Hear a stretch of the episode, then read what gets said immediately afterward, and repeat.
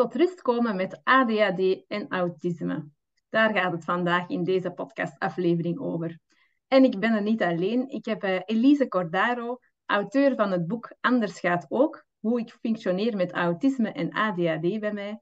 En ze heeft ook een uh, Beter in je breinbox gemaakt. Dat zijn inspiratiekaartjes voor autisme, ADHD en hooggevoelige breinen. En dat is nog niet alles. Ze is ook de gast geweest bij Philip Geubels in Taboe.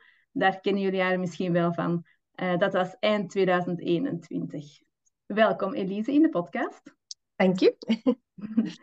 Elise, jij hebt pas heel laat ontdekt dat je autisme en ADHD had. Hoe was dat om na al die jaren eigenlijk eindelijk te weten wat dat er allemaal aan de hand was? Oh, dat was uh, heel raar. het is heel raar om iets dat, uh, dat heeft zo'n groot aandeel in je persoonlijkheid in, in je identiteit ook, om dat dan zo laat te, te ontdekken. Dat was heel speciaal. Maar ja, tegelijkertijd was het ook een, uh, een heel grote opluchting, omdat ik vooral de, de jaren voor ik mijn diagnose kreeg ook heel hard op zoek was. Ik had mm -hmm. na een tijd toch wel doorgekregen van er, er is iets en het is toch meer dan gewoon persoonlijkheidstrekjes of uh, mijn karakter. Het is, het is denk ik meer, het moet ergens in een psychiatrisch handboek ergens staan, een -hmm. titel en alles wat daaronder komt, dat ben ik ik. Maar het was ja. heel hard zoeken natuurlijk, hè, omdat ik ook... Uh, ik kon de hulpverleners ook nooit alle puzzelstukken geven, omdat ik totaal niet besefte dat sommige dingen symptomen waren. Dus ik, ik ja. reikte wel dingen aan, maar ook heel veel niet, omdat dat dingen waren dat ik helemaal niet wist dat ik alleen in was. En het is pas toen ik mijn diagnose ontdekte en erover begon te lezen. Ik heb het zelfs vandaag, soms nu nog, zoveel jaren later, dat ik soms zoiets lees van iemand en denk van, ah, dat ook, of wat? Ah, ja, dus dat, okay. was, uh, dat was heel speciaal. En, uh, maar het was vooral een opluchting, tegelijkertijd soms ook wel van, allee, hoe, hebben ze dat altijd kunnen missen al die jaren? Uh, ik had zoveel hulp kunnen krijgen. Ik heb het allemaal alleen moeten doen. Het is zo'n strijd geweest. Maar uiteindelijk was ik er toch vooral heel, heel blij mee. En, ja. Ja, ik heb geen spijt dat ik, dat ik die zoektocht begonnen ben. Dus, ja. Nee, nee, nee, nee. Dus je bent nog aan het ontdekken elke dag eigenlijk. ja, ja, toch wel. ja, ik denk jezelf ontdekken sowieso eender uh, allee, of dat je nu inderdaad autisme of ADHD hebt, ik denk dat dat sowieso als mens een levenslange zoektocht en ontdekkingstocht is. Hè? Dat is, dat is absoluut waar. Ja, ja. ja en de, omdat ik zo, zo op zoek was, en ik heb mijzelf altijd heel hard in vraag gesteld en heel veel aan introspectie gedaan. En, en ik heb soms uh, de indruk dat ik mijzelf beter ken dan dat de gemiddelde mens zichzelf kent. Dat ik dat zo verplicht ben geweest, heel mijn leven, om altijd naar, naar binnen te kijken. Van, waarom triggert deze mij? waarom, waarom reageert die zo op mij? Wat heb ik verkeerd gedaan? Of dat ik zo... Ja, dat is... Ja, ja. ja dat zit er zo wat ingebakken. Dus, uh... Ja, ja. Maar ik denk dat dat op zich ook wel goed is. Maar zoals dat je zegt, er zijn ja. heel veel mensen, de gemiddelde mens is daar eigenlijk niet mee bezig. Hè? Nee. Maar ik denk sowieso dat je wel superveel kan brengen als je dat wel doet. Ja, ja ik, ik merk dat ook wel in, uh, in mijn relatie met mijn vriend bijvoorbeeld. Die is ook uh, alle jaren geleden ook uh, veel naar een psycholoog gegaan. Die heeft een burn-out gehad en zo. Dus hij heeft ook zo zijn watertjes doorzwommen en ik ook. En dat maakt dat dat heel goed klikt, omdat wij, ja, als er zoiets is of zo, dan, dan zijn we dat heel hard gewoon om, om even in eigen boezem te kijken, om te zien van, ja, waarom, waarom reageer ik eigenlijk zo, waarom stoort mij dat, om dat dan aan elkaar te kunnen ja. uitleggen van, ja, sorry dat ik even uh, kwaad was, maar dat komt door dit en dit. En dan ja. er veel minder van die discussies waar je niet uitgeraakt, omdat, ja... Ja, dus ja, dat is het, waar. Het helpt wel. Het is, het is gewoon... Ja, ik denk inderdaad zeker in alle relaties dat dat kan helpen. Hè? Zeker. Niet alleen die met jezelf. Ja, ja. ja fijn. Zijn er op deze moment nu nog dingen dat je zegt van goh, dat, dat is voor mij nu echt nog heel moeilijk om mee om te gaan? Of uh, waar ik echt dagelijks nog wel wat last mee ondervind, ondanks dat je je eigen al zo goed kent eigenlijk dan? Uh, ja, ik denk dat je met stip op nummer 1 staat bij mij, dat is die vermoeidheid. Dat is, uh, en ook al, ik, ik weet ergens wel waar ze vandaan komt, want ja, ik heb het helemaal uitgeschreven in mijn boek. Soms dan denk ik, misschien moet ik mijn eigen boek nog eens vastpakken. er staan wel interessante dingen in. Maar, en toch, ik weet het ergens, maar op het moment zelf kan ik heel moeilijk linken waar mijn vermoeidheid vandaan komt. Dat is niet dat ik op het moment zelf door heb, ah, dat komt daardoor, met die vermoeidheid soms ook wel met vertraging komt, precies. Ja, ja, En, en ik vind die vermoeidheid het moeilijkste om mee om te gaan, omdat, ja, dat verpest alles, hè.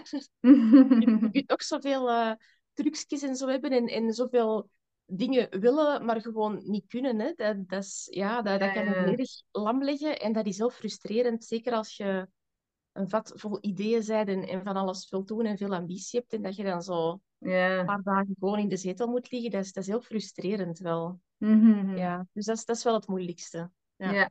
En bij welk stukje hoort dat dan juist? Want zo vermoeidheid, inderdaad, dat is zo'n symptoom dat ik zo niet direct eh, ergens kan plaatsen. Want ja, ADHD is dan denk ik al dat ze heel hevig zijn. Is dat dan meer het autisme-stukje? Of, of is dat iets anders nog? Ik denk een beetje, een beetje allebei.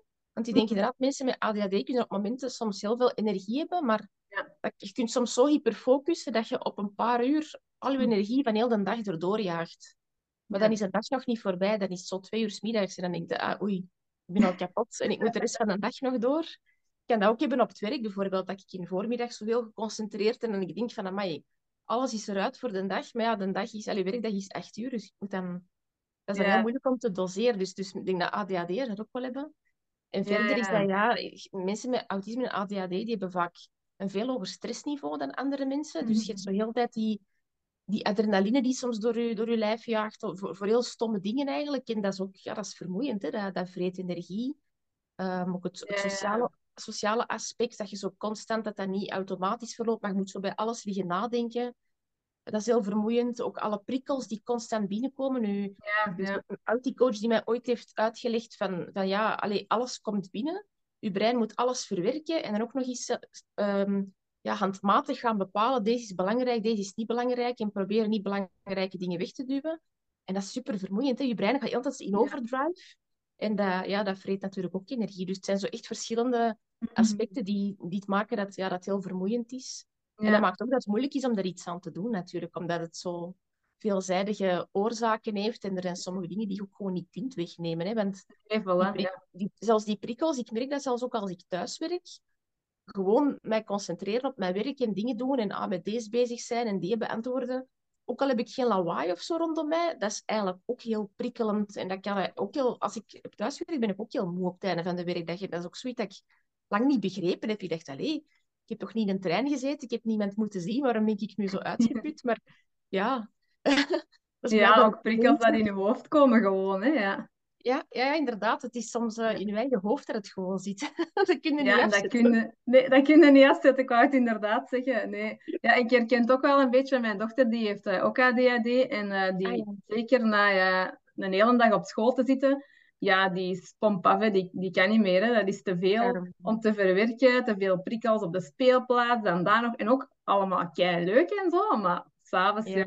is dat gedaan. Hè. Dan is het Ja, ja, ja. doodmoe en dan, dan gaat er niks niet meer. Hè. Dat snap ik ook, Garma.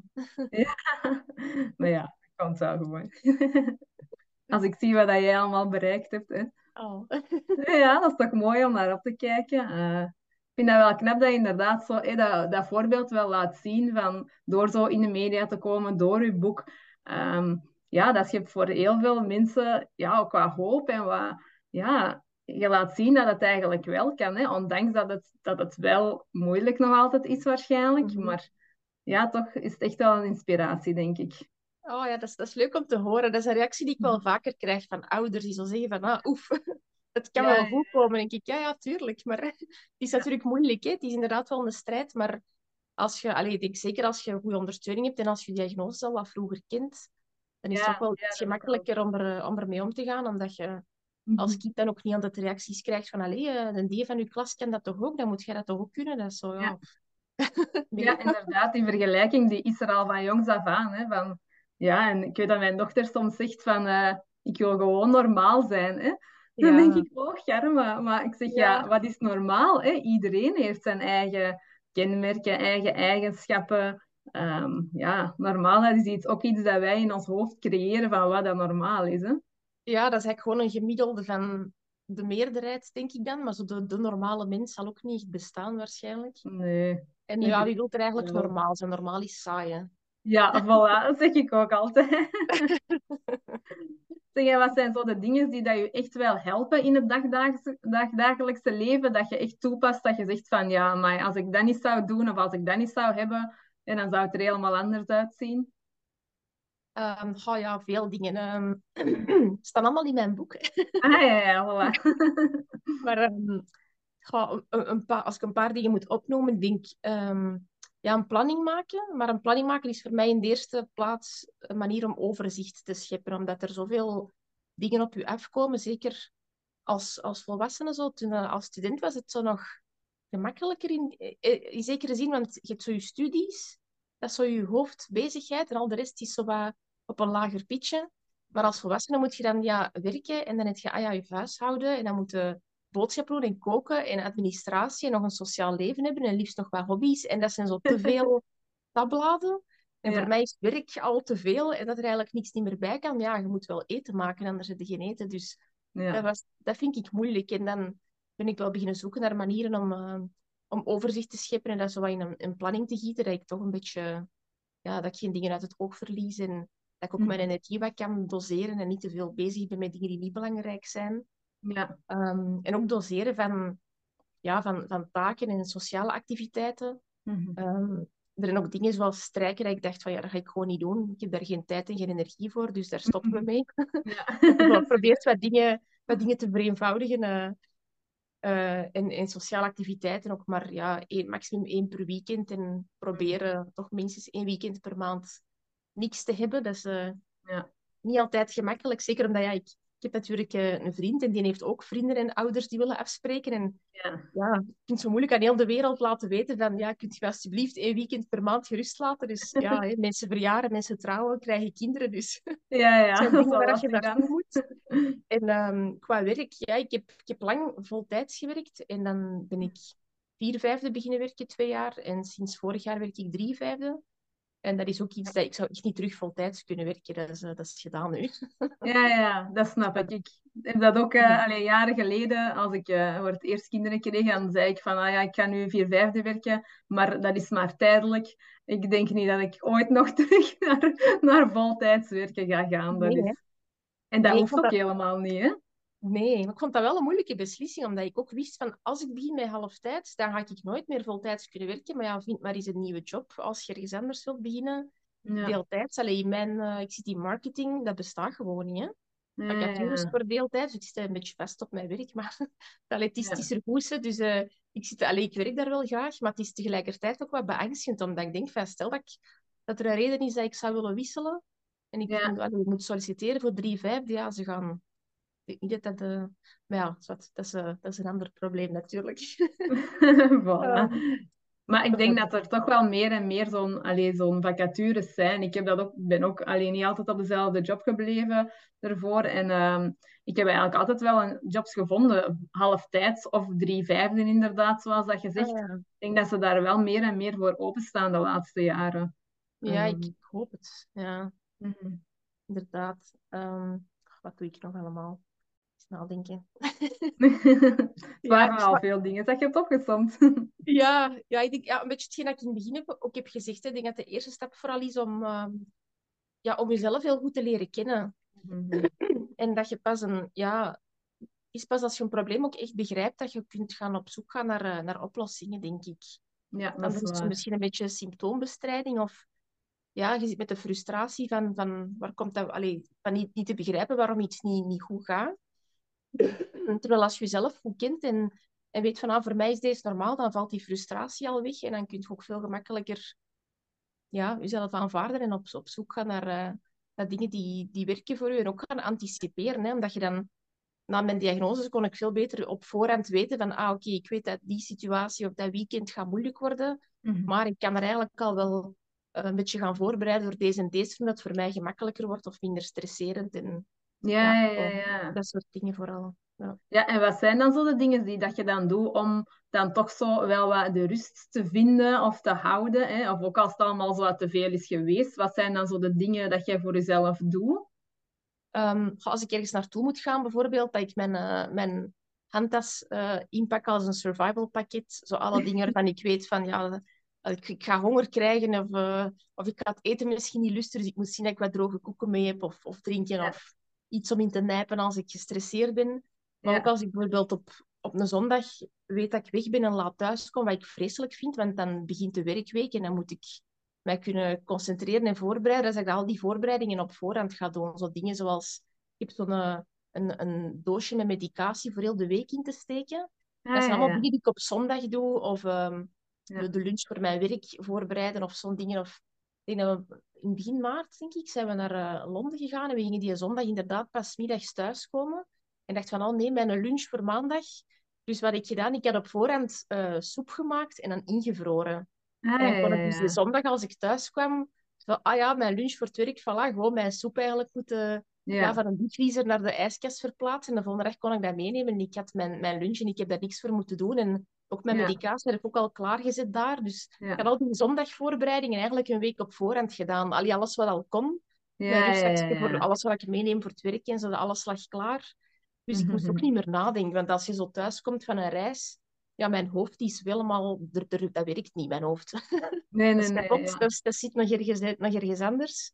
En als je dan nog moet gaan beginnen nadenken, dan vergeet je alles. Dus dan weet ik op voorhand, ik leg alles klaar en wat ik nog moet doen, schrijf ik op. En dat is echt heel relaxed. Ja. Ik ben toen thuisgekomen, ik had op een uur mijn valies uitgeladen en dacht, oh, alles is klaar. Dus ik heb echt zo nog goed kunnen rusten en dat was eigenlijk tof.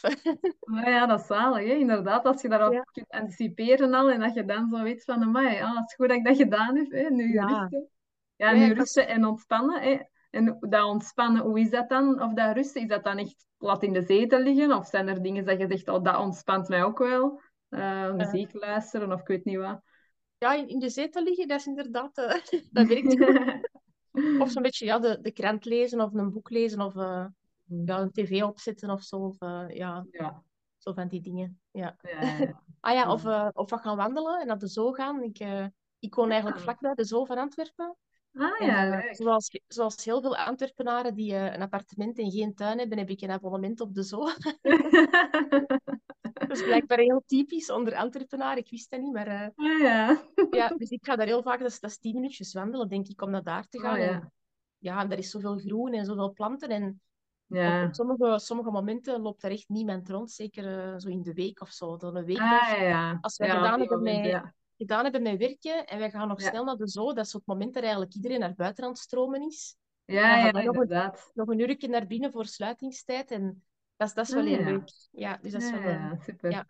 Ik ben er En- alleen nog maar geweest als het er echt bijna koppel open is. Dus ah, ja, dat is, ja, dat is niet zo tof. hè. in het weekend meestal, ja, als iedereen daar wil gaan. Ja. Zeg Elise, en hebt, ja, ik vind nou toch dat je al heel wat verwezenlijkt hebt. Je hebt een boek geschreven, je bent op tv geweest, je hebt je eigen plannen al. Wat zijn er nog dromen of dingen die dat je graag wilt in de toekomst verwezenlijkt zien? Ehm, ja, ik eh, ben inderdaad een paar maanden geleden met eh, een bijberoep begonnen om die planner te kunnen, eh, te kunnen maken en te kunnen gaan verkopen. En eh, dat is wel leuk. Ehm, en ik wil eigenlijk heel graag ja, nieuwe producten ontwikkelen eh, in de toekomst. Ik ben vooral zo Mm, het denken in de richting van, van zo meer digitale producten. Ah, ja, zo minder, ehm, want alles is zo'n beetje in het kader van, ehm, van ja, hoe, hoe kan ik de rest van mijn leven nog eh, ja, genoeg geld blijven verdienen voor een dakje boven mijn hoofd en eten op mijn bord, maar zonder dat ik Ja. mijzelf in de burn-out werk. Want als ik merk Mhm. dat ik zo van voltijds naar vier vijfde, naar drie vijfde ben moeten gaan, denk ik, ja, dat hou ik ook al geen veertig jaar niet meer vol. Dus ik moet Ja. eh, een, een manier vinden die voor mij haalbaar is, dat het, dat het leuk is. En eh, ja, dat ik toch dat ik rondkom en zo. Hè. Dus, dus Ja, ermee dat ik ja, eigenlijk ja. ook... Toen ik drie vijfde ben beginnen werken, had ik mijzelf ook wel de deal gesloten van oké, dan met de ruimte die dan vrijkomt, ga ik wel beginnen werken aan mijn, mijn toekomstplan eigenlijk. Ja. Om, eh, om hier een beetje uit te geraken. Hè? Want ik, ik heb altijd wel het gevoel dat ik er zo'n beetje in, in vast zit, in, in, in dat werkritme, dat niet, eigenlijk niet goed bij mij past. Ah, ja, Dus, ja. eh, dus mijn bedoeling is inderdaad om zo wat meer digitale producten te kunnen ontwikkelen, dat ik ook minder... Allee, dat, dat inpakken is ook, het allemaal niet zo erg, hè, maar dat je, ja, dat je ergens toch zo wat meer vrijheid kunt vinden en dat, je, Ja, dat je ja. bedrijf ook wat schaalbaar kan worden. En, en dat ik ook niet meer uurtje factuurtje moet werken, zoals dat je dat eigenlijk op een alleen loondienst moet doen. Omdat, Ja, maar ik altijd denk van, ja, wie heeft er ooit bepaald dat wij 40 uur per week moeten werken om, om een loon te hebben? Dat is zo gek. Je kunt toch niet elke job in 40 uur gieten?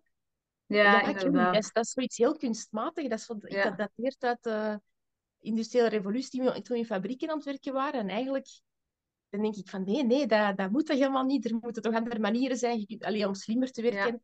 En mijn droom is om met 20 uur werken per week, of misschien zelfs minder, eigenlijk ja, rond te komen door het, door het Mhm. anders aan te pakken. Maar het is, eh, het is natuurlijk een zoektocht. Hè. Ik ben, eh, ben heel hard eh, trial Ja, and error ja. aan het doen, maar ja, dat is, is wel leuk. Ja, maar mooie dingen dan nog in het verschiet. Hè? Ik ben benieuwd wat er nog allemaal gaat komen dan. Ja, ik ook. ja. Eh, is er nog een laatste boodschap dat jij wilt meegeven aan de luisteraars vandaag? Ehm, nog iets dat je wilt zeggen? Ehm, ja, het- hetgeen dat ik eigenlijk al wat heb gezegd, dat het heel belangrijk is om jezelf eh, goed te leren kennen. Ehm, en vooral denk ik ook om te beseffen dat ook al, je anders dan anderen, dat het, eh, is niet omdat je anders zijt, dat, het, dat het verkeerd is. En dat je vooral moet doen wat er voor u, voor u werkt. Ja, ja. ja, vind ik inderdaad ook wel een hele belangrijke. hè. Dat je niet zomaar, want we denken soms van, ah ja, het moet zo of het moet zo, inderdaad, zoals de 40 uren week, maar wie bepaalt dat? Dat je dat moet doen als dat niet werkt voor u, ja, dan Ja. moet je dat eigenlijk helemaal niet doen, hè, want dan zijn we aan het forceren voor iets dat helemaal niet, helemaal niet nodig is, ook niet, hè? ja, ja, voilà. Ja, als je oplossingen voor jezelf bedenkt en dat andere mensen zeggen van oh, dat is raar of dat is normaal of zo, dat dat allemaal niet... Ja, dat je er vooral niks moet van aantrekken. Dat als, als het voor u werkt, dan is het goed. En eh, wat andere mensen ervan denken, dat is, eh, dat is, niet, dat is minder belangrijk. Ja, dat is waar. Mooi. Dankjewel, Elise, voor eh, het fijne interview. dat is graag gedaan. En als jullie Elise nog graag willen volgen, dan kan dat op haar Instagram-pagina en dat is Elise Cordaro. Voilà, dankjewel en eh, geniet nog van je middag of Dankjewel. avond of morgen. Dag. Dag.